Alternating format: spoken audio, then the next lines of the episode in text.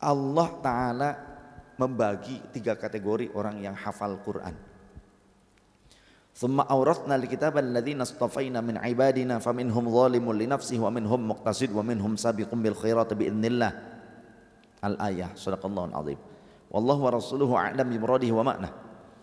Dan telah kami wariskan Al-Qur'an ini, Alkitab ini kepada hamba-hamba kami yang terpilih. Tidak semua orang hafal Quran, hanya yang terpilih. Tapi faminhum muqtasid ada yang hafal Quran tapi bertentangan dengan substansinya Al-Quran. Yang mohon maaf, faminhum zalimul li. Faminhum zalimul li nafsih. Ada yang hafal Quran tapi bertentangan dengan substansinya Al-Quran. Bukan harfiyahnya Al-Quran. Bukan lafziyahnya Al-Quran. Tidak dirubah lafziyahnya Al-Quran. Tapi substansi maqasidus syariahnya itu bertentangan. Contoh saja Al-Quran menyatakan wa allais alil insani illa masa'a. Ada orang yang justru bertentangan dengan maqasid syariahnya. Mengatakan orang yang mati tidak akan mendapatkan manfaat dari pahala sodakoh orang yang hidup yang menghadiahkannya. Ayatnya ada, tidak dirubah. Betul ada dalam Al-Quran.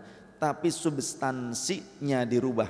Karena tidak hanya berdiri sendiri ayat ini, harus ada korelasi dari mulai ayat 36 dan juga hadis-hadis yang lainnya. Ayat 36-nya amlam yunabba bima fi suhufi Musa wa Ibrahim alladhi waffa alla tazir waziratu wizru ukhra wa allaysa lil insani illa ma Apakah kalian tidak membaca apa yang terdapat di dalam suhufnya Nabi Musa dan Nabi Ibrahim?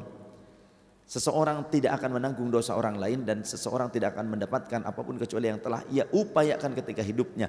Ini syariatnya dari umat Nabi Ibrahim dan Nabi Musa. Tapi ada orang yang cuma hafalan Quran sengaja menggunakannya untuk menolak kebenaran substansi Al-Quran untuk bertentangan substansinya dengan substansi yang sebenarnya untuk menentang substansi maqasidus syariah yang Allah ajarkan kepada Rasulullah.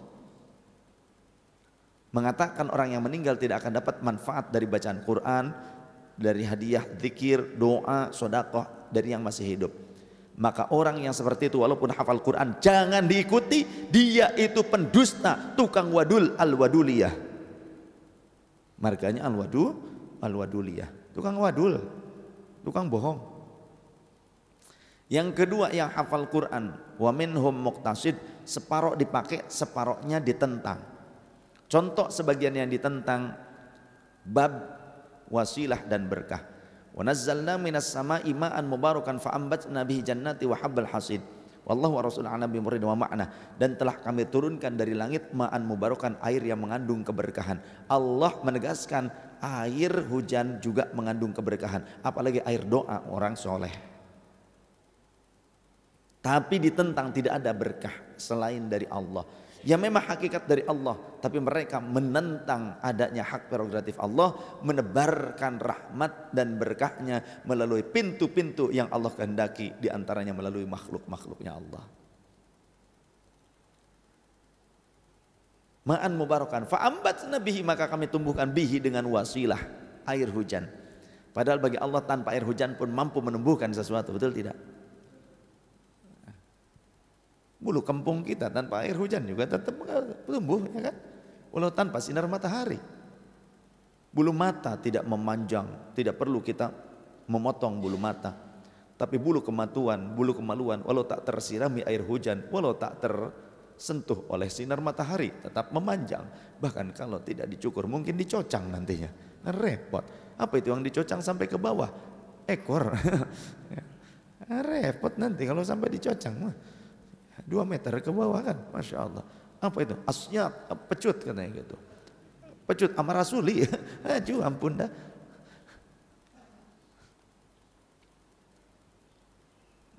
Kemudian yang ketiga barulah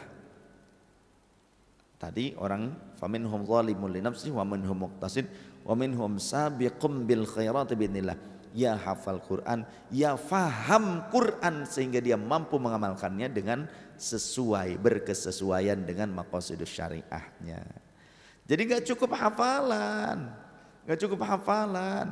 Karena banyak orang yang hafal tapi ternyata justru salah kaprah menyesatkan banyak. ya Snokhorgronje, Van der Vlas, gubernur-gubernur oh, Belanda banyak yang hafal Quran, hafal hadis. Kemudian Syekh Al-Majmu'i, Hemper Lawrence Arab ngacak-ngacak Hijaz dibuat pemberontakan, pembantaian, diambil alih jadi negara kerajaan Ibnu Saud. Ya, jadi ternyata bahkan yang membunuh Sayyidina Ali karamallahu wajhah itu adalah guru tahfizul Quran. Namanya Ibnu Muljam. Di zaman Sayyidina Umar radhiyallahu anhu jadi Amirul Mukminin, gubernur Mesir namanya sahabat Amr bin As minta dikirimkan guru-guru tahfizul Quran. Dikirim dari Madinah pimpinannya Ibnu Muljam yang kemudian membunuh Sayyidina Ali menantu Rasul Amirul Mukminin pada masanya. Tuh ternyata sekarang banyak generasi-generasi Ibnu Muljam. Dalilnya Quran, inil hukmu illa lillah. Tidak ada hukum kecuali hukumnya Allah. Ngomong hukum negara hukum togut tapi kerja masih jadi PNS, kan goblok itu namanya. Paham? Bilang hukum negara hukum togut tapi masih kerja di instansi negara.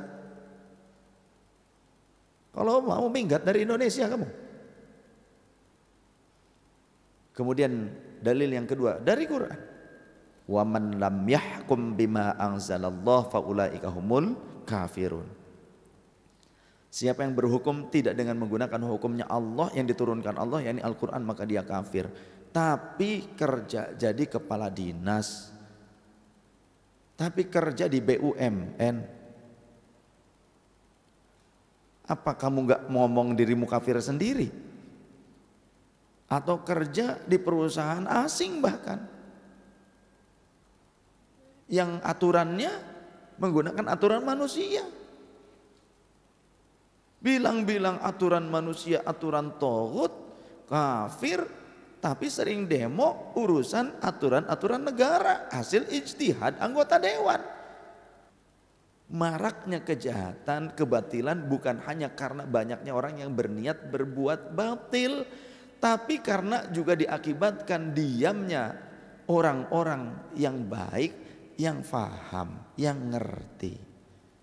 Kalau kita diam ya sudah. Banyak orang yang menipu umat dengan dalil agama Kata Imam Ibn Rushdi, "Idza aradta an tatahakkama fil jahili fa 'alaika an taghlifa kulla batilin bi diniyin." Jika engkau ingin menipu orang-orang bodoh, jika engkau ingin menguasai orang-orang awam, maka balutlah setiap yang batil dengan dalil agama, pasti manut dan mereka toh-tohan akan membela kamu seolah-olah benar padahal kamu menipu mereka dengan dalil agama. Harus tahu bab itu. Sehingga kata Rasul di akhir zaman la yabqa minal imani illa ismu tak tersisa dari keimanan kecuali cuma namanya saja di akhir zaman itu. Nama-namanya nama-nama orang yang beriman. Wa minal islami illa rosmuh dan tidak tersisa dari Islam nanti di akhir masa kecuali cuma simbol-simbolnya saja. Tapi perilakunya perilaku jahiliyah.